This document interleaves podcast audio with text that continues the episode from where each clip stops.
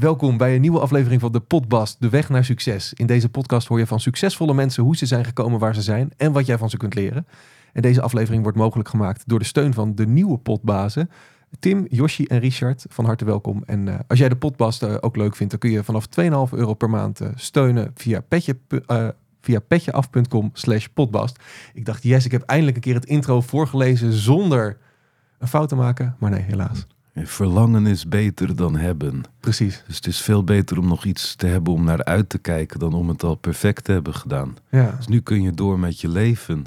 Nu kan ik de volgende keer weer denken, yes, ik hoop dat het goed gaat zonder over het intro heen te vallen. Precies, en hoop doet leven. Nou, dit is al een uh, warm begin uh, van deze potbas. De eerste van 2023 vanuit Hartje Amsterdam bij Stefano Keizers. Welkom. Er is een hoop te zien hier in ieder geval. We zitten in jouw huis. Ja, dat klopt. En ik verveel me hier nooit. Er is altijd iets te zien. En ja, ja nou ja, uh, het was eigenlijk maar één object. Maar je was meteen wel nieuwsgierig naar van alles. Dus je wilde het, het Predator mondkapje wilde je zien. Ja. Nou, ik had hier eventueel ook nog een broccoli kerstbal voor je gehad, maar daar vroeg je niet naar. Ben jij dit in een grafkist? Ja, dat ben ik in een grafkist, inderdaad, met een stagiair erbij. Of een productieassistent. Dus dat waren ook mooie herinneringen, dus die bewaar ik. En die liggen overal een beetje her en der verspreid. Ja, omdat mensen weten dat ik zoveel rommel heb, geven ze me ook altijd heel veel rommel. En ja, kerst is net geweest, dat mag je vaak niet meer zeggen, want dat maakt dingen niet actueel. Maar ja, over een jaar is het ook weer kerst net geweest. En, en dan krijg ik dus heel veel van dit soort spulletjes. En ja, daar hou ik extreem van. Dus ja, ik moet al bijna huilen als ik moet bedenken dat sommige van deze spullen ooit op een dag weggegooid gaan worden. Of als ik er niet meer ben, dat er niemand is om voor ze te zorgen. Want andere mensen die, die zien zo'n lege paracetamolverpakking gewoon als afval. Dus die behandelen dat ook als afval. Die gooien dat gewoon weg of die verbranden het of verscheuren het. Dat vind ik echt verschrikkelijk En jij zielig. geniet ervan. Ik vind echt dat we alles met evenveel respect horen te behandelen. Dus wie ben ik om te zeggen dat ik me meer voel dan, dan een stukje plastic? Volledige naam, Gover Julius Samuel Meid, leeftijd, 35 jaar. beroep, Creator. Dat is eh, Latijn. bekend van, Dat waar ik bekend van ben is dat ik gewoon echt niet thuis hoor in de media of, of in de maatschappij en er toch zit. En dat is gaandeweg voor sommige mensen comfortabel geworden en voor andere mensen heel erg vervelend. Mijn steun en toeverlaat. Jelle Kuiper, dat is mijn voogd. Als er een film over mijn leven wordt gemaakt, word ik gespeeld door. Ja, hopelijk door mezelf. Ik ben al een tijdje bezig om aan mijn eigen biopic te schrijven. Want het lijkt me eigenlijk heel erg vet om zoiets tijdens mijn leven nog te doen. Het is super kut dat heel veel mensen een biopic krijgen nadat ze zijn gestorven. Want dan kunnen ze het zelf niet meer zien. En dan kunnen ze er zelf ook niet ja, inhoudelijk iets aan veranderen mocht het niet kloppen. Wat was voor jou de allereerste keer dat jij bewust jezelf op een podium zette? Ik denk de eerste keer op het podium was ik denk ik drie of vier jaar oud. En was op de openbak van de basisschool. En dat wilde ik heel erg graag. En, en toen heb ik me uitgekleed voor alle mensen. En dat was een daverend succes. Daar is uiteindelijk, ja, nou ja, ik weet niet of dat dan aan mij lag, maar daar is de striptease wel uit voortgekomen. Maar er was dus een, een, podium waar mensen kwamen kijken naar een kindervoorstelling. Jij loopt erop, Ja, je trekt was- al je kleren uit. Ja, want ik stond daar op het podium en ik wist opeens niet meer wat ik nou eigenlijk ging doen. En in de split second bedacht ik dat. En dat is eigenlijk ook nog steeds wel hoe ik mijn leven leef. Dus ik heb eigenlijk vaak geen flauw idee wat ik ga doen. Maar in het moment zelf gebeurt er iets waarvan ik denk... oh, nou, dat is eigenlijk leuker dan ik zelf had kunnen bedenken. Nee, Dit- want uiteindelijk was dat dus het begin van, nou ja, jouw liefde voor het podium. Wat Ja. tot op de dag van vandaag er is. Wat je op hoogtes heeft gebracht, maar ook op dieptes. Ik heb geprobeerd het samen te vatten. Stefano Keizers wordt ergens in 2015 geboren. Hè? Maar hij ziet er toch veel ouder uit dan acht jaar? Ja, dat klopt, want alter ego Stefano wordt in 2015 geboren. Maar Gover Julius Samuel Meid ziet op 24 augustus 1987 het levenslicht in Amsterdam. Hij groeit op in een creatief gezin en constant worden er voorstellingen gemaakt, ideeën bevraagd en zijn ouders zijn zijn eerste regisseurs. Dan zaten mijn broertjes en mijn ouders op de bank en dan ging iedereen het compleet afkraken. Gover houdt ervan om in het middelpunt te staan. Hij treedt zo vaak op als hij maar kan. En hij weet zelfs de juf zover te krijgen dat hij aan het eind van de les vijf minuten mag optreden als hij voor de rest van de dag dan zijn mond houdt. Hij geniet van deze belangstelling en voelt zichzelf een popster. Na het gymnasium gaat Gover studeren aan de Rietveld Academie in Amsterdam. Maar daar merkt hij al gauw dat hij niet meer de enige paradijsvogel is. Iets wat hij lastig vindt. Na zijn studie gaat hij aan de slag als teletext-ondertitelaar bij AT5, regisseert hij amateurtoneelgroepen en richt hij een band op. Elke week treden ze op voor kleine gezelschappen, maar Gover wil meer. Hij wil de band groot maken. De andere bandleden vinden het wel goed zoals het is en Gover besluit uit de band te stappen. Als dan ook zijn relatie uitgaat, belandt hij in een dip. Hij doet niets meer en komt nog amper buiten. Het enige wat hem nog in beweging krijgt is het podium. En hij stopt al zijn spaargeld in hip-hop act Meitje. I thought I was prepared for all of this, but it's one too many. Maar Meitje flopt en per optreden vraagt Gover zich steeds meer af wat hij aan het doen is. Hij stopt met optreden en vanaf dat moment gaat het helemaal bergafwaarts. Op een absoluut dieptepunt moet hij zelfs geld lenen van zijn moeder om niet uit huis gezet te worden. Begin 2015 besluit hij dat het zo niet langer kan en begint hij zijn leed van zich af te schrijven. Dit geeft hem nieuwe energie en hij meldt zich aan voor het Amsterdams Kleinkunstfestival in 2016. Wel onder een andere naam omdat hij dingen wil proberen zonder dat zijn ouders erachter komen. En niet geheel zonder succes. De winnaar Stefano Keizers. Door het winnen van de prijs krijgt Stefano een vliegende start. Niet iedereen is te spreken over zijn voorstellingen. Sommigen noemen het een schande dat hij zichzelf cabaretier noemt. En soms lopen de zalen bijna helemaal leeg. Maar dit trekt juist ook weer andere bezoekers aan die benieuwd zijn waarom dit dan gebeurde. In de afgelopen zeven jaar is Stefano uitgegroeid tot een nationaal bezit. Door de een geliefd en door de ander gehaat. En voor Gover, die kleine jongen die altijd in de spotlight wilde staan, voor hem is Stefano Keizers een vloek en een zegen. Ja, heel erg creepy. Ja, kan ik dit ergens lenen dat ik het ook naar anderen... Als ze mensen me vragen wie ben jij? Ja. Maar je zei creepy, wat vind je creepy? Nou, tijdens het luisteren ontdekte ik wel van ja, ik heb eigenlijk al best veel over mezelf ook de wereld ingeholpen door de jaren heen. Waardoor dus iemand die ik, ja, ik heb je ooit één keer kort gesproken, maar we kennen elkaar niet. En ja, je bent toch in staat om redelijk accuraat mijn hele leven te vertellen. Dat zou ik niet van jou kunnen. Eh, of in elk geval ja, niet zonder een aantal uren me erin te verdiepen. Eh, Dus het, het zegt ook wel iets over hoe weinig bezit nog van mezelf is. Ik heb het echt allemaal de wereld ingestuurd. En ook heel veel dingen waar ik me voor schaam, die zijn gewoon inmiddels ja, bekend en onderdeel van mijn verhaal geworden. Zoals? Ik denk waar ik me het meest voor schaam is het gymnasium toch wel. Of nou ja, als- als je het zo zegt, dan... Ik hoor dit verhaal en ik denk, jeetje, dit is een van de hele verwende, aanstellerige jongen die heel erg met zichzelf bezig is en heel erg graag gezien wil worden. En ja, dat is op zich een eh, accuraat verhaal, maar het is niet echt een spannend jongensboek. Uh, aan de andere kant denk ik dat ik ook wel. ehm, ik denk waar ik heel dankbaar voor ben, zijn juist die jaren waarin ik helemaal vast kwam te zitten. Want, want daarin ben ik verder afgedreven dan de andere kinderen op het gymnasium. En ook al ben ik in de kern altijd een rijke en verwende jongen, heb ik denk ik ook wel op een bepaald moment ja, hele andere kanten van het leven gezien. Waardoor ik het gevoel heb dat ik ook mensen die niet verwend zijn, enigszins kan aanraken. Ja. Maar wat is dan hetgene, je zegt op een gegeven moment, ik ben, ben afgedreven. Je hebt een paar reality checks gehad.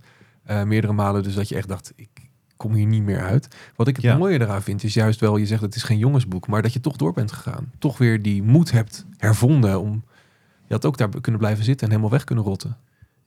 Zeker, en ik denk dus ook dat uiteindelijk daardoor het leven toch avontuurlijk is geworden. Ook al heb ik misschien een valse start gehad in het avontuur.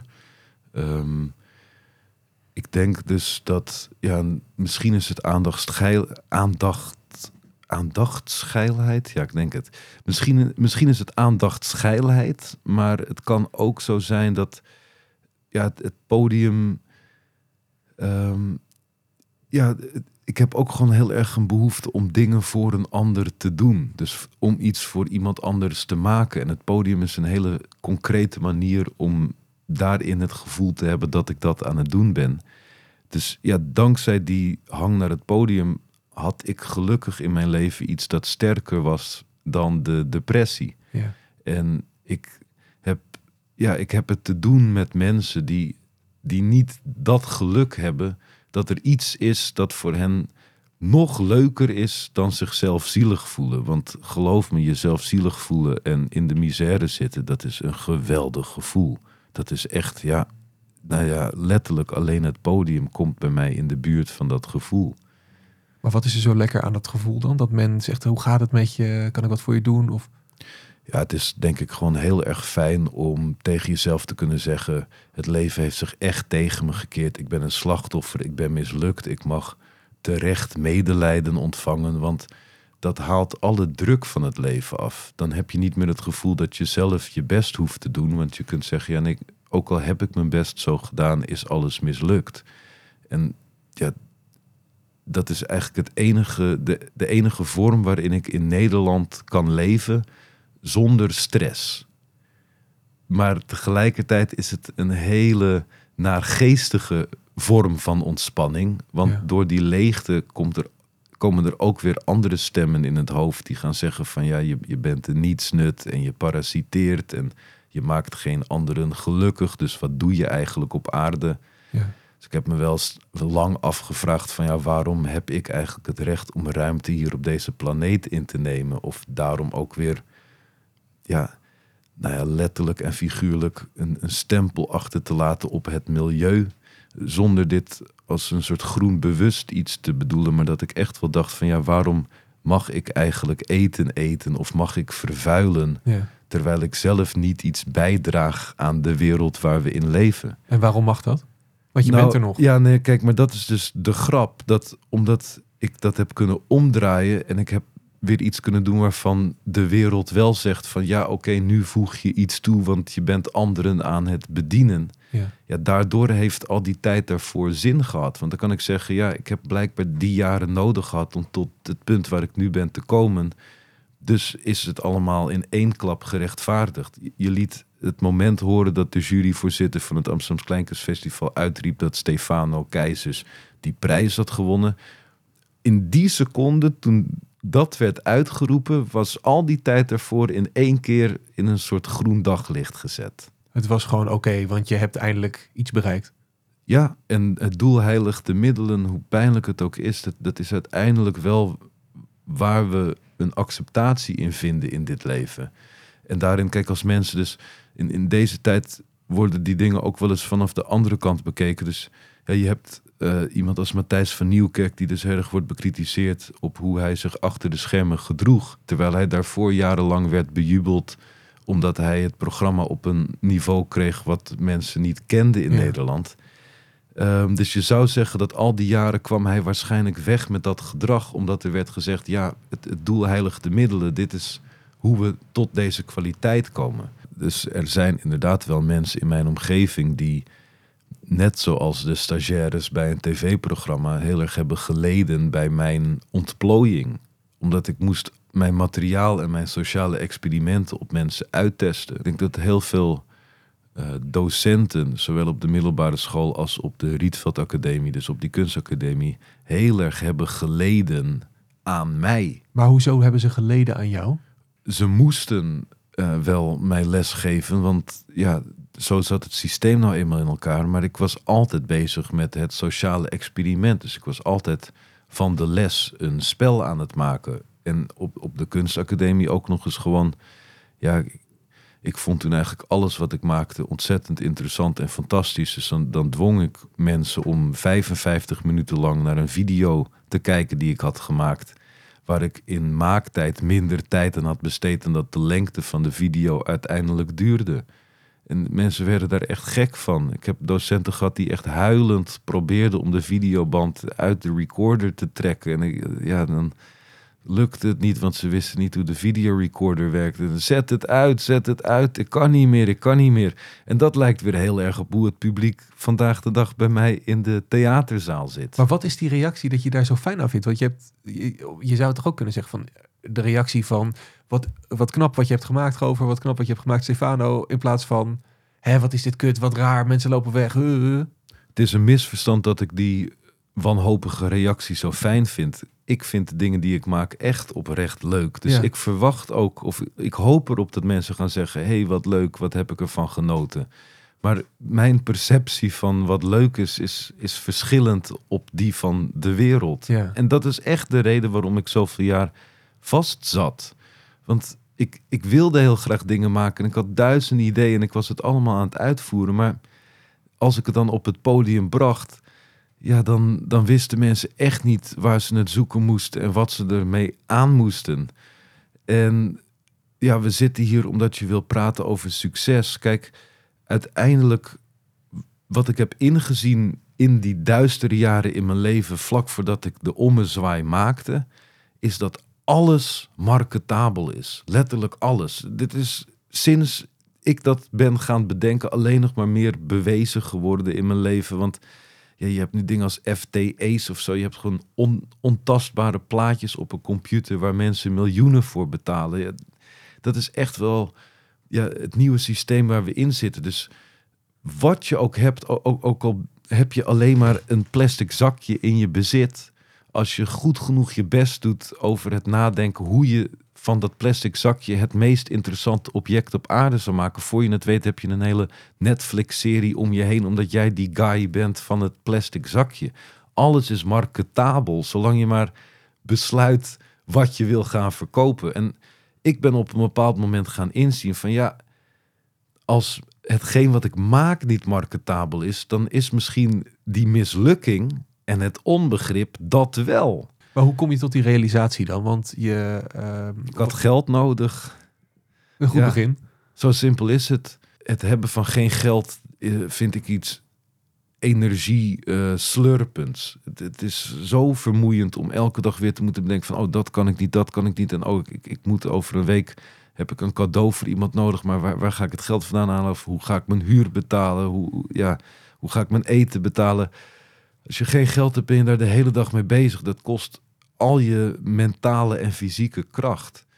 Ehm, en dan kunnen er denk ik twee dingen gebeuren. Kijk, of je bezwijkt onder de vermoeidheid door dus ja, gewoon de handdoek in de ring te gooien en, en in dat stramien te blijven en, eeuwig zeg maar te blijven scharrelen om te kijken of je ergens nog wat vandaan kan halen. Ehm, en, en dan denk ik ook dat het leven niet veel meer is dan dat. Eh, of je vindt een manier om dat te slim af te gaan zijn. En ik denk dat of mensen wel of niet gepusht worden om na te gaan denken, dat is toeval. Ja. Het was het toeval van het in die misère zitten van waar ga ik mijn eten kopen? Wat kan ik eigenlijk wel? Wat heb ik te verkopen? En, en, en die dingen bij elkaar gezet met dus gelukkig de, de oud-Zuid ja, kennis die ik had uit mijn jeugd van, van hoe de wereld een beetje in elkaar zit. Maar is dat uiteindelijk dan ook de vraag die je moet stellen? Wat kan ik wel? In plaats van alleen maar denken wat voor mislukkeling je bent. En ja, het is altijd nuttig om jezelf, om jezelf die vraag te stellen: wat kan ik wel? Maar ik denk in het bijzonder dat hoe beperkter het antwoord op die vraag is, hoe makkelijker het wordt om je op datgene dat je wel kan te storten. Dus op het moment dat je jezelf afvraagt: wat kan ik wel? En je hebt een lijst van 40 dingen. Ja, dan blijf je eigenlijk nog steeds in de chaos zitten. Want ja, waar ga je beginnen en eindigen met al die 40 dingen uitproberen? Dus hoe, hoe nauwer het steegje wordt, hoe makkelijker het denk ik ook wordt om terug te ketsen en juist met heel veel kracht weer de wereld in te komen. Want doordat ik mezelf steeds meer ehm, ja, teleurstelde, doordat ik tegen steeds meer muren opliep, ging ik op een bepaald moment zien hoe de kamer eruit zag. En, en hetgeen dat ik wel kon, werd zoiets specifieks en concreets dat, dat ik het vervolgens voor mezelf ging begrijpen. laten we eens teruggaan naar de kleine Stefano, de kleine gover. Wat wilde jij worden toen jij klein was? Ik wilde het liefst paleontoloog worden. Dus met dinosaurussen? Ja, dus eh, iemand die opgegraafd. Ik hield gewoon heel erg van in de zandbak zitten en dingen op te graven. En, en die dan ook vooral in mijn mond te stoppen. Ik had eh, altijd ontzettend veel zin om aan die dinosaurusbotten te, te sabbelen en zo. Maar waarschijnlijk waren ze niet zo zout of ziltig als ik me toen kon voorstellen. En wat later, dus vanaf begin middelbare school of eind basisschool. Want toen was ik al dusdanig gegrepen door het podium en door de mogelijkheden van iets te maken waar een ander naar zou kunnen kijken. Dus eigenlijk vanaf dat moment wilde ik heel erg graag regisseur worden. Ehm, omdat ik had bedacht, en daar ben ik het nog steeds wel mee eens, dat ja, een, een, ja, iets regisseren is eigenlijk nog een stap beter dan het zelf uitvoeren. Want dan kan ik dus eigenlijk elk verhaal wat maar in mijn hoofd zit vertellen door middel van anderen of mezelf. Eh, en dus met camera's of met een podium en een decor, maakt niet uit. Maar dan heb ik de volledige macht om elke fantasie over te brengen op een ander door het visueel te maken. En ja, ik hoop dat nog steeds op een dag wel ook te worden. Maar ik denk, voordat ik echt een goede regisseur kan zijn, moet ik eerst wel ook als acteur mezelf helemaal hebben eh, ontdekt. Omdat je weet hoe het werkt dan. Ja, Ja. en omdat het nog steeds, ook al heb ik nu een aantal jaar ehm, waarin ik niet kan zeggen dat ik een mislukking ben geweest. Ehm, ik heb nog steeds het gevoel dat, dat als ik nu echt een eh, eigen speelfilm of zoiets zou willen maken, dat iedereen me daarin wantrouwt en dat het me nooit gaat lukken om alle koppen dezelfde kant op te krijgen. Is Dus dat die angst van vroeger nog een beetje, dat het verleden wat spreekt? ja, het is een angst, maar het is ook een realiteit dat ik gewoon, ja, ik ben nu echt nog steeds eh, te veel de dorpsgek om vertrouwd te worden met een groot budget. Dus ik zal nog steeds nieuwe dingen moeten gaan maken die mij hopelijk gaan helpen bij het ervoor zorgen dat iemand op een bepaald moment zegt, ja, ik vertrouw zo erg op wat er in jouw hoofd zit en wat je daarmee zou willen vertellen, dat je gewoon een, ja, een, een carte blanche krijgt om dat uit te gaan voeren. Want als ik nu een idee heb, moet ik altijd langs 40 of 50 verschillende mensen om het te pitchen, die dat allemaal weer in vergaderingen uiteindelijk besluiten af te schieten. Want een experiment, dat, dat laat zich soms niet uitleggen. En soms moet ik ook iets gaan doen voordat ik weet of het goed of slecht wordt. Dus als ik iets maak, dan is er een kans dat het mislukt. Maar, Ja. maar dat is denk ik ook een, een kracht van, van dingen maken. Alleen, ja, dat, dat is in de bedrijfswereld een heel eng fenomeen. Ik kijk heel even naar onze kamerman. Gaat het of niet? Ja, leef je nog? Waterige oogjes van, de, van het hoesten. Nou, dat is niet van het hoesten, dat, dat is van de mooie teksten. Die, Ja, geëmotioneerd inderdaad. In combinatie met een hoestbui. Maar wat je vertelde op school ook, hè, de liefde voor het podium. ehm, ik hoorde dus dat verhaal dat je in groep 8 had afgedwongen met de juf... dat jij aan Ja. het eind van de les eh, eh, mocht optreden op het moment dat... hoe heet het? Als je de rest van de dag maar je mond zou houden. Ja, inderdaad. Dat, dat zat in de intro. Dus ik zat meteen ook te denken, waar heb ik dat in hemelsnaam ooit gezegd? Maar, maar dat klopt. Ehm, dat ligt in het verlengde van wat ik net zei. Dat de mensen in mijn omgeving dus altijd wel het slachtoffer waren van hoe ik mezelf wilde gaan ontplooien. Dat ja, de juf op de basisschool had echt een probleem met me. Want ja, wat ze ook probeerde, ik was niet echt stil te krijgen. En ze heeft dat denk ik op een hele slimme manier gedaan. Want het was voor mij inderdaad waardevoller om dat moment te hebben waarop iedereen verplicht naar me moest kijken, dan om zelf te proberen de aandacht van de hele klas erbij te krijgen. Dus ja, in een zekere zin heb ik daarmee toen het spel uitgespeeld. Want ik had een podium voor mijzelf eh, veroverd. En eh, ja, dat is dus ook mooi, want, want ook dat is nog steeds hetzelfde. Ik moet erg lachen. Ik, ik denk niet dat je cameraman eh, Het overleeft. deze dag gaat navertellen. Inderdaad. Nee, ik dat denk wordt zometeen met de traumahelikopter naar OVG West waarschijnlijk. Maar goed, dat terzijde. En dan zien ze jou erbij staan en denken ze... dit zal weer een act van hem zijn of zo. Ja, dat, dat is The Boy Cried Wolf. Dus het sprookje waarin iemand de hele tijd roept van er komt een wolf en het is elke keer een prank. En dan uiteindelijk komt er echt een wolf en die eet iedereen op, want niemand gelooft hem meer. Dat, dat heb ik vaak inderdaad. Ja. Ehm, dus even een zijspoor, maar ja, Dus we dit- moeten hem daadwerkelijk opgeven nu. Het is gewoon bedankt dat hij heeft meegewerkt. Ja, ik, ik ben daar heel oké in. Er zijn zoveel mensen gestorven in mijn huis eh, tijdens podcasts of opnames. Dat ik eh, draai mijn hand er niet meer voor om. Maar die Eh, stukjes op school, wat waren dat ja. voor stukjes? Want eh, als jij je moment niet had gehad, las ik, dan moest iedereen blijven zitten totdat het geweest was. Wat je net ook vertelde over de, de video. ja, Maar wat deed je daar? Ehm, kinderen zijn eigenlijk nog best wel in zichzelf gericht. Terwijl ze al het gevoel hebben dat ze in de wereld staan. Dus ik leefde half in een film.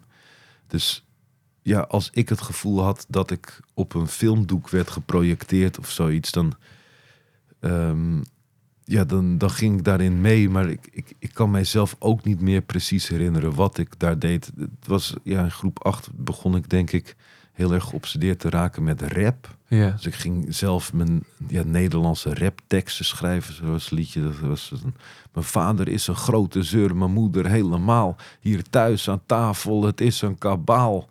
En dan over hoe dan mijn ouders dan enorm gingen vechten en met borden gingen gooien en weet ik wat. Dus ja, ik was gewoon heel erg eerlijk mijn thuissituatie aan het eh, vertellen. En mensen dachten van, oh dat zal wel een soort grapje zijn. Ehm, dus ja, het was eigenlijk gewoon een kind dat naar buiten toe schreeuwde: Help, ik word mishandeld thuis. En eh, het, eh, het is hier één grote agressieve bende. Maar ja, binnen die veilige omgeving van Amstelveen dacht iedereen dat het een grap was. En dat is ook nog steeds hetzelfde. Net zoals dat ik, ja, dus ook, kijk, daar op de basisschool bij die stukjes. Daar moesten de kinderen dus blijven zitten en die vonden dat verschrikkelijk. Dus ik stond al zoveel doelpunten achter toen Ja. ik begon met optreden. Dat ik, ik had nooit het publiek meer met me mee kunnen krijgen. En, en in een zekere zin in het cabaret zit diezelfde humor erin. Dat mensen hebben geld betaald voor de voorstelling. Dus ja, om dan weg te lopen, dan hebben ze het geld helemaal weggegooid. Dus dan komen ze in die spanning van, ja, wat, wat, wat gaan we nou doen? En dan zitten ze eigenlijk net zo knarsetandend naar me te kijken als toen in groep 8. Wat je zei hè, je ouders die hebben het, het, het een en ander moeten ontgelden eraan ook wel. Maar ook, eh zij gaven jou ook die feedback op jouw stukken. Eh, De, de, oefende, oefenden die raps eh, thuis ook of niet? Ja, zeker. Ik, ik weet ook nog wel dat ik in de brugklas ging ik dan over op Engelstalige rap. En toen had ik echt zo'n hele stoere M&M-tekst geschreven. En ging dan opvoeren voor mijn ouders. En ja, die... Sowieso, als ze me niet sloegen, dan zeiden ze vaak van... je kunt echt helemaal niks en doe dit maar niet, want dit wordt echt beschamend. Maar toen bij die rap, toen zijn ze echt nou ja, gaan zeggen van... dit mag je gewoon niet uitvoeren op het podium. Dit is zo ongelooflijk slecht. Wij durven echt niet meer over straat.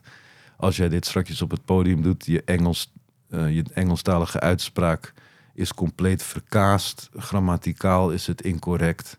Het klinkt nergens naar, het gaat niet over jou. En toen heeft volgens mij mijn vader die tekst herschreven en gezegd: Nou, nu gaat het wel over jou. Ga dit maar opvoeren.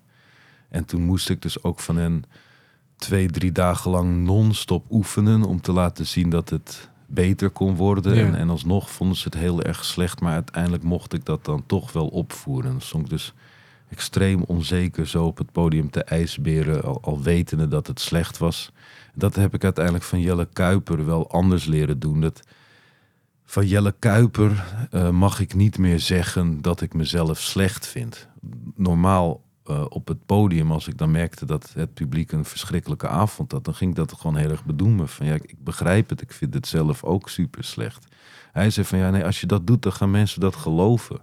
Dus je moet gewoon altijd zeggen dat wat je doet heel erg goed is. En dan slikken mensen het. Dan hoort het erbij of ja, zoiets. en dat, dat is dus ook heel erg zo gebleken. Want ja, het, ga maar een keer naar mijn voorstelling. Het, het, het is bizar wat mensen allemaal pikken en wat ze leuk vinden. En, en dat is gewoon weer leuk om te zien. Is dat ook iets wat je als jonge carrièremaker mee kan nemen eh, in, je, in je carrière? Ja, nou, niet om, om dan mensen te laten smeken van het is slecht, eh, ga door. Maar meer als in eh, niet negatief over jezelf praten. Ja, het is inderdaad zo kloten hoe kinderachtig en simpel die dingen zijn. Maar eh, ja, op het podium zeggen dat, dat, dat wat je doet slecht is, dat heeft een direct effect. Dan voel ik gewoon direct het publiek haakt af. Dus ik dacht altijd van, hé, waarom haakt het publiek nu af? Toen ben ik erop gelet, oh, dat is op die momenten. En als je dus heel erg uitstraalt van, yes, ik vind dit echt ontzettend vet ja, dan gaan mensen inderdaad aan zichzelf twijfelen. Het is hetzelfde met theaterrecensies en zo. Dat, ehm, als, als er een krant is die zegt: Dit is een hele goede voorstelling. Vanaf dat moment gaan andere mensen opeens ook zeggen: Oh ja, ik vond het ook een hele goede voorstelling. Ja, ja, en ik vond het ook heel diepzinnig. Terwijl als de krant dat niet zou zeggen, als de krant zou zeggen van nou, dit, dit was echt niet diepzinnig hoor. Jullie zijn gewoon opgelicht. Dan gaat iedereen zeggen, ja nee, ik wist het. We zijn al lang niet meer zelf heel goed in staat om te weten wat goed en slecht is. Want die dingen zijn ook door elkaar heen gehusseld. En uiteindelijk, inderdaad, in mijn voorstelling zou je kunnen zeggen dat het, dat het weer heel knap wordt. Dat ik zo ver wil gaan om dat effect te bereiken. En daarom wordt het weer interessant om naar me te kijken. Te kijken van, jeetje, gaat die echt zo ver? Of is hij, is hij echt ehm, in staat om zichzelf zo te vernederen? Of zichzelf in zo'n ongemakkelijke of spannende positie te brengen, puur voor de grap. Ja. En op het moment dat je begrijpt dat het is om een grap te maken en dat het daarom een gecontroleerde situatie is, ja, dan, dan wordt het opeens weer heel erg bijzonder. Want dan denk je, ja, hoe heeft hij dat eigenlijk in elkaar gezet? En hoe, hoe maak je zoiets? En Ja. dan, dan zie je hoeveel werk er eigenlijk in zit. Ik vind het voor de huidige voorstellingen, voor het maken van de grap, prachtig dat het publiek nu zoveel slikt. Ze volgen het script nog beter dan ik het zelf ooit had kunnen schrijven. Maar het heeft ook iets heel erg treurigs. Dat we op een punt zijn gekomen waarop ik eigenlijk geen wapens meer heb. Maar alleen nog maar cadeaus.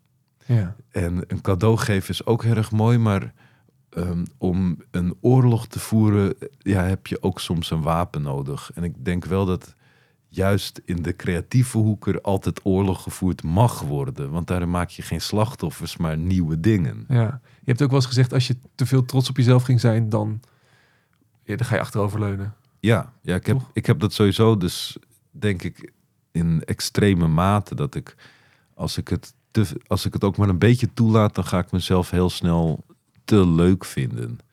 En dan ben ik niet meer grappig. En toen op een gegeven moment kwam het moment dat, eh, dat je dacht, hè, hier moet wat gebeuren. Stefano werd geboren. Hoe, hoe bedenk je een nieuw karakter? Hoe, hoe, hoe gaat zoiets? Ik weet niet hoe iemand anders dat doet. Ik weet niet hoe Whalen op de naam Whalen is gekomen. Nee, maar of bij jou daarvoor. eh, nee, maar ik, ik, ik probeer het even vanuit een ander te benaderen, omdat ik.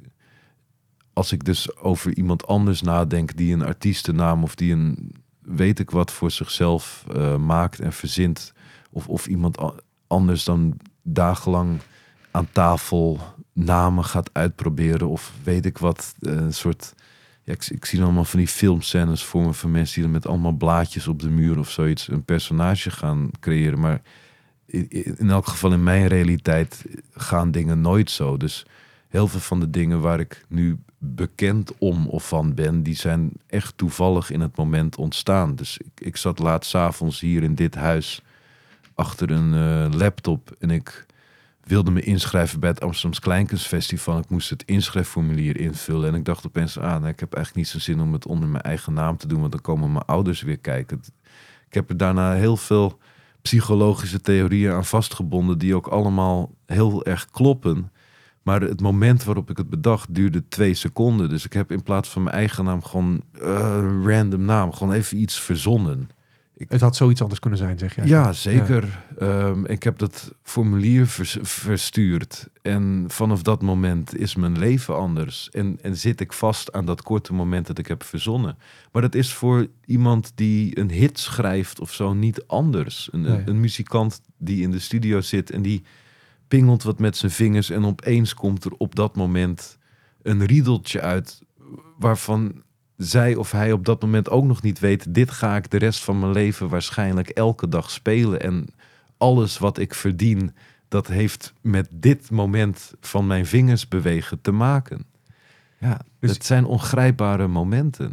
Ik kan zelf heel goed leven met welke gevolgen die naam voor me heeft gehad. Want veel wensen en dromen die ik had, zijn met deze naam in vervulling gekomen.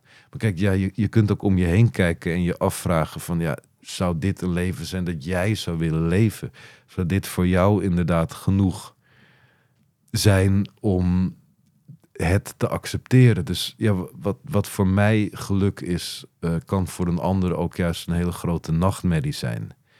Eh, maar, maar ik zelf eh, had, had het echt niet anders gewild dan hoe het zeker de afgelopen tien jaar is gelopen in mijn leven. Gover die had één grote wens altijd, eh, zei hij. Een naam op een poster. Exact. Oh, dat, Ik heb een maar dan kan ik filmposter dat laten nooit maken. meer zeggen. Nee, nee, nee, maar kijk, ik heb een filmposter Oh, gefotoshopt zelf. Ik heb hem ook als poster mee, maar ik heb hem nu als een driejarige ingepakt voor je. Oh nee, dat, oh, inderdaad trouwens. Maar dat inpakpapier, dat ga ik wel eh, bewaren. Want Ik recycle mijn inpakpapier even voor de mensen thuis. Als we er een film van moeten maken, dan denk ik dat dit hem wordt.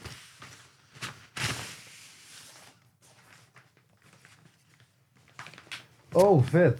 Ja, Dr. Keizers en Mr. Meid. Oh, dat vind ik heel scherp. Vet. Overmeid, Stefano Keizers. En je zit er ook in, Bastiaan Meijer. Ja. Oh, dus je kon het ook niet laten om je eigen naam erop te Ik zetten. hoor wel in deze film natuurlijk. Duidelijk. Dus eh, ja, dus nu de rest van mijn leven, dus de eerste poster waar mijn eigen naam op staat, dan moet ik dus ook altijd aan jou denken. Heel erg vet. Heel erg Zou dit mooi. een verhaal kunnen zijn ook wat je zou willen maken? Nou, met alle respect, eerlijk gezegd, denk ik dat ik dit verhaal aan het maken ben. Eh, ja, eh, dit is waarom het, denk ik, interessant is om naar me te kijken. Omdat dit ben ik, of dit is mijn, eh, mijn realiteit. Maar het is ook een verhaal. Ehm, maar ja, ik, ik ben twee verschillende mensen met twee verschillende intenties. En, en toch één en dezelfde persoon ja, ik heb zelf denk ik ook wel eens Dr. Jekyll en Mr. Hyde als referentie gebruikt om een beetje uit te leggen van hoe voel ik mij of hoe ga ik door het leven. Ja, je hebt het heel goed gekozen. Je, je, bent, je bent echt een stalker. Als in, ja, je hebt echt een deel van mijn ziel weten te ontrafelen. Dat is wel grappig. En dat kan dus blijkbaar door op internet naar me te zoeken. En dat is dus een gekke realisatie te weten dat als je dus echt de wil hebt, dan kun je heel veel over ja, echt de binnenkant van mij ontdekken door het internet. Ja, prachtig. Hoe deal jij met kritiek? Want je hebt nogal wat gehad in de loop van je leven. Ja, dus misschien kun jij die vraag beter beantwoorden dan ik. Hoe, hoe ik deal met kritiek. Ik, ehm, ik kan niet beter tegen kritiek dan een ander. Ik kan van één negatieve opmerking ook dagen in de put zitten of mijzelf in één keer weer als een jong en eh, zielig kind gaan voelen. En tegelijkertijd ben ik ook door de jaren heen echt ja, wel, nou ja, eh, op professioneel vlak een hele nauwe samenwerking met kritiek aangegaan. Dus zonder de kritiek was ik niet geweest wie ik ben.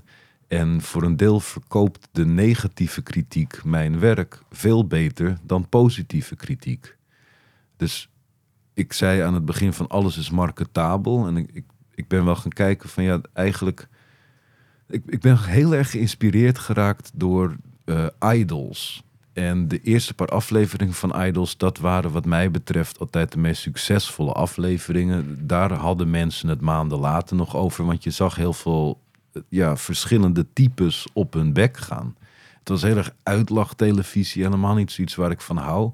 Maar ik dacht wel van ja, ik wil dus als comedian aan het werk gaan. Wat vinden mensen in Nederland nou leuk? Ja, mislukte types aan de rand van de samenleving die op hun bek gaan op een podium. Dat, dat is een van de meest succesvolle vormen van entertainment die ik ooit heb meegemaakt.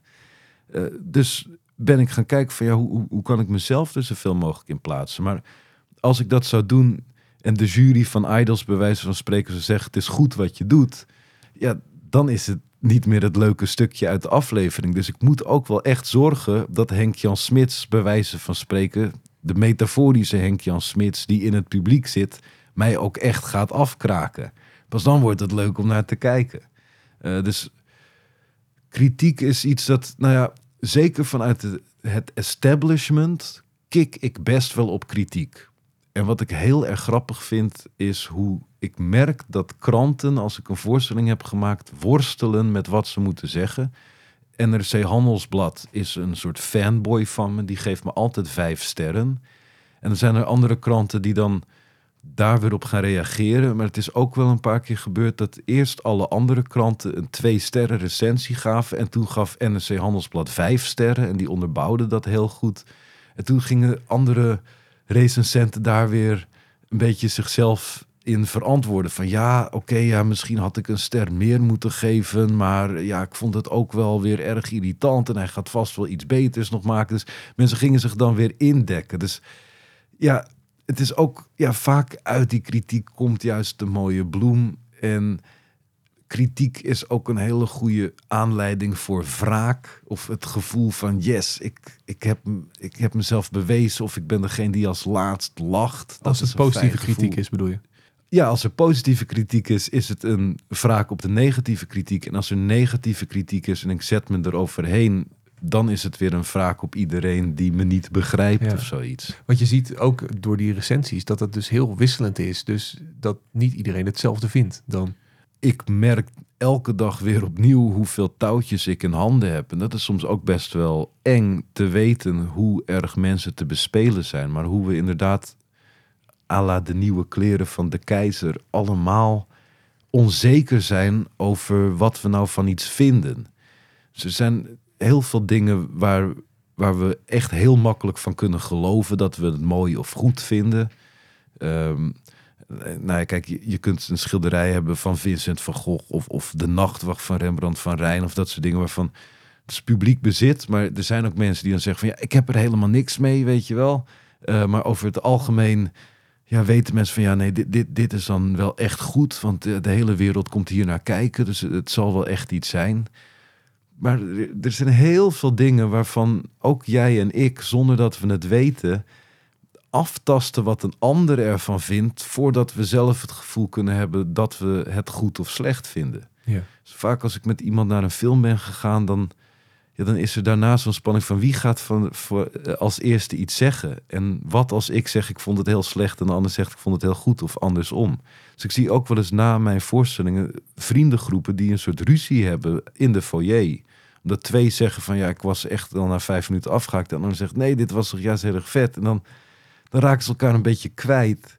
Maar ja, dat, dat is wel te gek dat wat we maken, ehm, ja, dus eigenlijk, nou ja, veel meer nog afhankelijk is van de marketing dan we eigenlijk denken. En dat ik dus zelf ook ja, de macht heb om mensen in zo'n discussie te brengen. Of hopelijk ze zelfs na te laten denken over wat ze nou zelf van de wereld vinden. Ja, dat, dat vind ik iets geweldigs om aan een ander te geven. Dat vind ik het geld ook waard. Ja. Maar je zei ook van als je een negatieve recensie krijgt of een negatieve kritiek, dan kan je er ook wel een dag van af liggen. Ja, Maar hoe, hoe ga je daarmee om op zo'n moment? Want dat herkennen veel mensen wel, denk ik. ja, er is een persoonlijke kant aan me en een makerskant aan me. En die, die botsen dus wel eens. En dat is hetzelfde. Ja, dat is ook een soort tragische grap dat ik nog nooit mijn eigen naam op een poster had gezien. is hetzelfde principe van.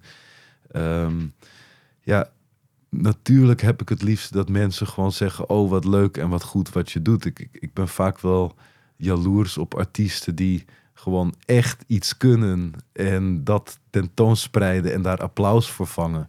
Dan denk ik, ja, dat is inderdaad zoals het hoort te zijn.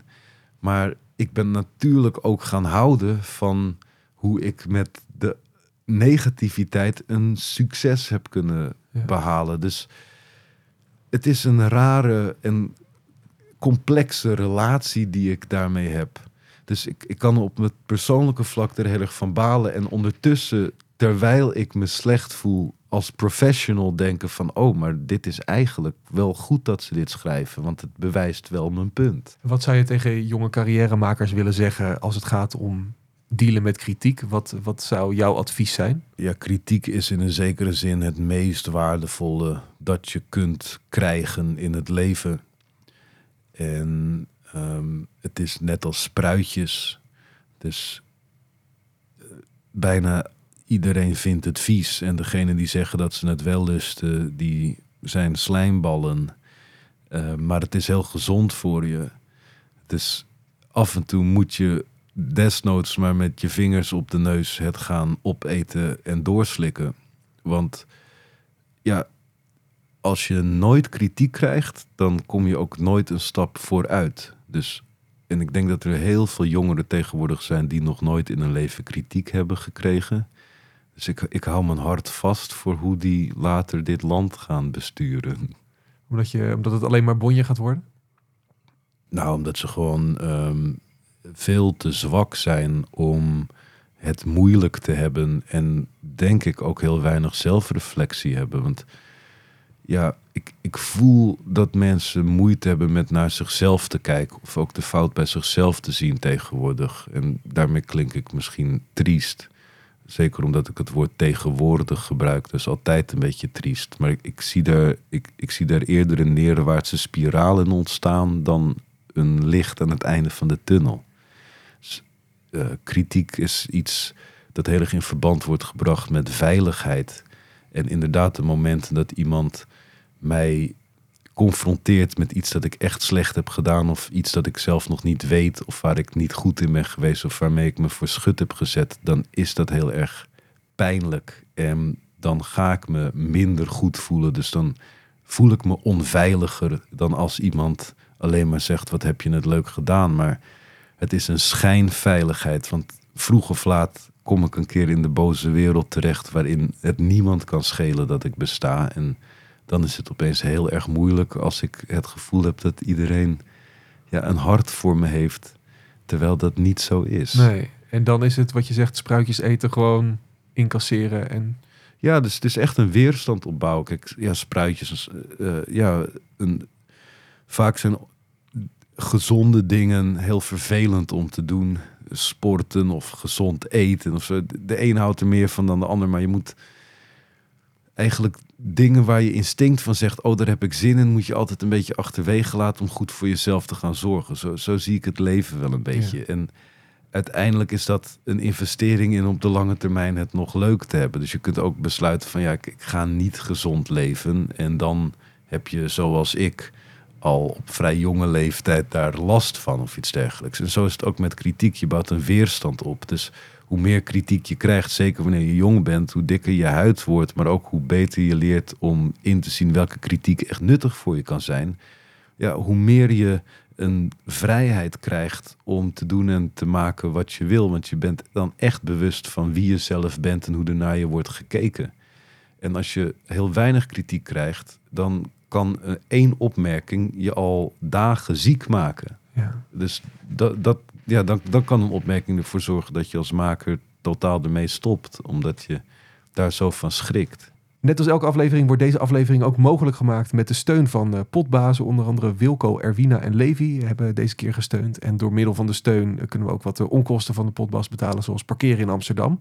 Wat zes nieren per uur kost. Dus dat is nogal aardig aan de prijs. Dus mocht je willen steunen en eh, kunnen zorgen dat de potbast blijft bestaan. Dan kan dat via petjeaf.com slash. Kan al vanaf 2,5 euro per maand. En dan krijg je als eerste te horen wie de nieuwe gast wordt. En dan mag je ook een vraag stellen. En vandaag eh, twee vragen ook voor jou. En de eerste die is van Paul. Hallo Gover. Ik vroeg me af wat jij ervan vindt dat veel mensen, eh, nou eigenlijk bijna alle mensen, jou alleen maar kennen als Stefano Keizers. Vind je dat niet irritant dat mensen, eh, nou ja, je echte naam niet kennen bijvoorbeeld? Hij spreekt me aan met mijn echte naam en vraagt dan of ik het irritant vind dat mensen mijn echte naam niet kennen. Ja, ehm, het, het, is een, eh, het is een gesloten vraag, dus ik, ik kan nu met ja en nee beantwoorden. En dan, dan, Je zei van tevoren, eh, ik geef lange antwoorden. Dus dit zou dan... Ja, nee, zeker. Maar dan, dat is natuurlijk gevaarlijk als je dan één vraag mag stellen en daarvoor hebt betaald. ehm, en je stelt een gesloten vraag, ja, dan loop je natuurlijk wel het risico dat, dat je dan met bijna lege handen thuis komt. Dat je gewoon het antwoord ja krijgt. Ja, dus volgende vraag. Hey Stefano, Richard hier. Ik heb een vraag. Hoe kan authenticiteit bijdragen aan de kwaliteit van leven en hoe kan het helpend zijn bij je carrière?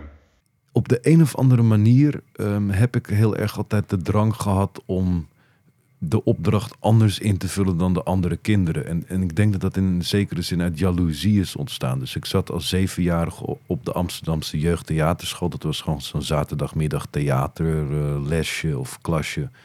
En dan deden we een improvisatieoefening die heette Het Bankje. Dus dan werd er een bankje neergezet in eh, de repetitieruimte. En dan mochten alle kinderen één voor één zeg maar opkomen. En dan mochten ze zelf een typetje verzinnen. En dat ging dan zitten op het bankje en dan gingen ze een scène spelen. En ik, ik ging daarnaar kijken en ik zag dat bijna alle kinderen deden hetzelfde. Namelijk ze deden een oude man of een dronken persoon of zo. Nou, of, of een hele deftige mevrouw. Dat waren ongeveer de typische typetjes. Of als ik dan gaan, ging kijken naar kinderen die optraden op van die ja, open bak middagen en weet ik wat. Nou, je had altijd drie verschillende meisjesacts die toen de tijd Janet Jackson deden. Ehm, en ja, als er al een jongen optrad, dan, dan was het vaak inderdaad met een soort rap of een slapstick. Dus iedereen deed precies hetzelfde. En ik dacht, dat vind ik erg zonde. Dus bij mij was het echt, als ik die oefening, het bankje ging doen op zaterdagmiddag, dan was ik al de hele week bezig met, oké, wat voor dingen kan ik verzinnen waarvan ik zeker weet dat de andere kinderen het niet gaan doen. En daar kreeg ik echt een kick van als me dat dan lukte. En het kon de rest meestal niet schelen. Ze begrepen ook niet wat ik dan wel aan het uitbeelden was. Maar Want als wat kwam je dan op? als een object, denk ik, of zo. Of gewoon, ik was heel erg aan het kijken van, hoe kan ik in een ander soort energie spelen dan de rest. We deden deze oefening wekelijks. Ik heb dit heel veel gedaan, dit soort improvisatieoefeningen in mijn leven. Maar ook als, als er voor een boekbespreking of, of, of zoiets, of een werkstuk, een onderwerp gekozen moest worden, ging ik altijd op zoek naar iets bijzonders. Ik weet dat mijn ouders een keer op het matje zijn geroepen door een leraar op de basisschool. Want we moesten een opstel schrijven over ons lievelingsdier. En ik had een mierenhoop opgeschreven. En die docent die wilde van mijn ouders dan weten of ik helemaal in orde was of zo. Of de opdracht misschien niet had begrepen. Want is hij didactisch eh, wel helemaal in orde? Eh, terwijl ik juist dacht, ja, ik wil per se opvallen. Ik wil een dier verzinnen dat de anderen niet hebben verzonnen. En dit is een heel lang antwoord op deze vraag. Ehm, maar eh, ik vind het niet irritant als mensen mijn echte naam niet weten. En ik zou zelf ook niet weten wat anders dan authenticiteit je kan laten opvallen in het leven. Ehm, dus ja, ik, ik zou niet weten hoe je niet authentiek er zou moeten komen. Maar je vraagt het aan de verkeerde. Want bijna alle succesvolle mensen zijn niet authentiek.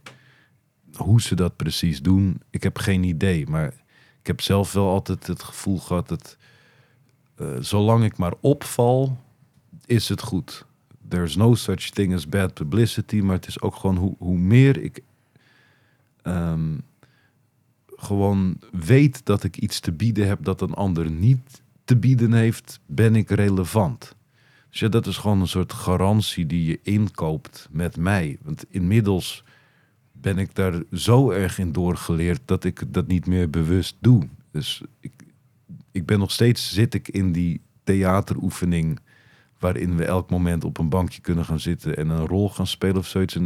Ik, mijn hele denken is zo omgevormd dat ik altijd denk, hoe kan ik het net iets anders doen dan wat ik al ken? Maar kijk, eh, deze man die me deze vraag stelde, die, eh, ja, ik, denk dat het voor, voor hem al lang te laat is. Je bent wel lekker bezig met mijn potbaas. Hè? Ik ben er twee kwijt straks, denk ik. Nou ja, kijk, daarvoor huur je me toch in om je publiek weg te laten Oh ja, dat lopen. is waar. Daar ben ik bekend om. Dat is Ja. waar. Dat is waar. Dus als ik je publiek niet weg zou jagen, dan zou ik niet eer aandoen aan mijn rol. Ik sluit de potbast eh, altijd af met de potbast sticker. Met de vraag, waar ga je hem plakken? Eh, op mijn bast. Ehm, maar eh, er was eigenlijk nog wel één ding dat ik ook nog wilde zeggen. Oh. Ehm, daar zat ik ook nog aan te denken. Dus graag nog een voetnoot. Dat is dat eh, opeens ehm, vond ik van ja, het is best wel lullig dat de mensen die je dus interviewt in Podpast, of waarvan je zegt het zijn succesvolle mensen, dat, ehm, die zijn dan succesvol omdat ze een bepaalde bekendheid genieten. Maar in een zekere zin zou ik zeggen dat bekendheid en succes echt, echt twee totaal verschillende dingen zijn. En of ik succesvol ben in mijn leven, dat, dat vind ik zelf nog maar zeer de vraag. Ik ben nog steeds een alleenstaande man in een rommelig bachelorhuis met ja, eigenlijk weinig mensen eh, om voor te leven. En ja, ik heb succes behaald met mijn kunst. En dat is voor mij een heel groot geluk. Maar dat is denk ik wel weer iets anders dan dat ik kan zeggen dat ik mezelf een succesvol mens vind. Want ik, daarvoor heb ik echt nog veel meer te leren. Dus ik, zou bijna zeggen, hier om de hoek zit een eh, snackbarhouder. Die verdient verschrikkelijk veel geld. Die heeft al 30 jaar die snackbar. Maar die heeft ook een gezin. En die staat elke dag met de glimlach op. En, en de visboer of Ja, dat is de, de, de discussie die we inderdaad vaker voeren van wanneer ben je succesvol. Ja, dus ik zou het wel heel erg mooi vinden als je ook een keer mensen kan interviewen die, als je hun cv leest, volgens ons allemaal niet succesvol lijken te zijn, maar die eigenlijk, als je gewoon kijkt naar hoeveel pret ze hebben in hun leven, het veel beter doen dan ik bijvoorbeeld. Stel de jonge Stefano van eh, die nog eh ehm, dinosaurusbot aan het aflikken was, die komt Ja. naar je toe en die zegt: eh, grotere Stefano, hoe word ik zo succesvol als jij? Terwijl je zegt dat je het niet Ja. helemaal zo voelt. Zeg, gewoon volhouden, gewoon blijven doen wat je nu aan het doen bent, dan kom je er wel. Dat is echt zo. Gewoon niet opgeven. De aanhouder wint en nooit iets aan jezelf veranderen. Zei Ja. hij met een lach. Ja, dan word je authentiek. Dankjewel. Jij ook. Of zo. Wat, oh ja, het, is, het wordt ook gefilmd. Dus ik dacht, misschien leek het alsof we elkaar nu gingen zoenen. Hallo alle luisteraars van Potbast. Wat ontzettend indrukwekkend dat je ook deze aflevering weer hebt volgehouden. Wil je nou nog meer van dit soort gesprekken horen en nog meer succes over je heen krijgen? Ga dan eens een keer naar Petje Af. Want op Petje Af kun je Potbast steunen. Met heel veel geld. Zodat heel veel mensen gelukkig worden. Ga naar petjeaf.com slash potbast met een B en een D.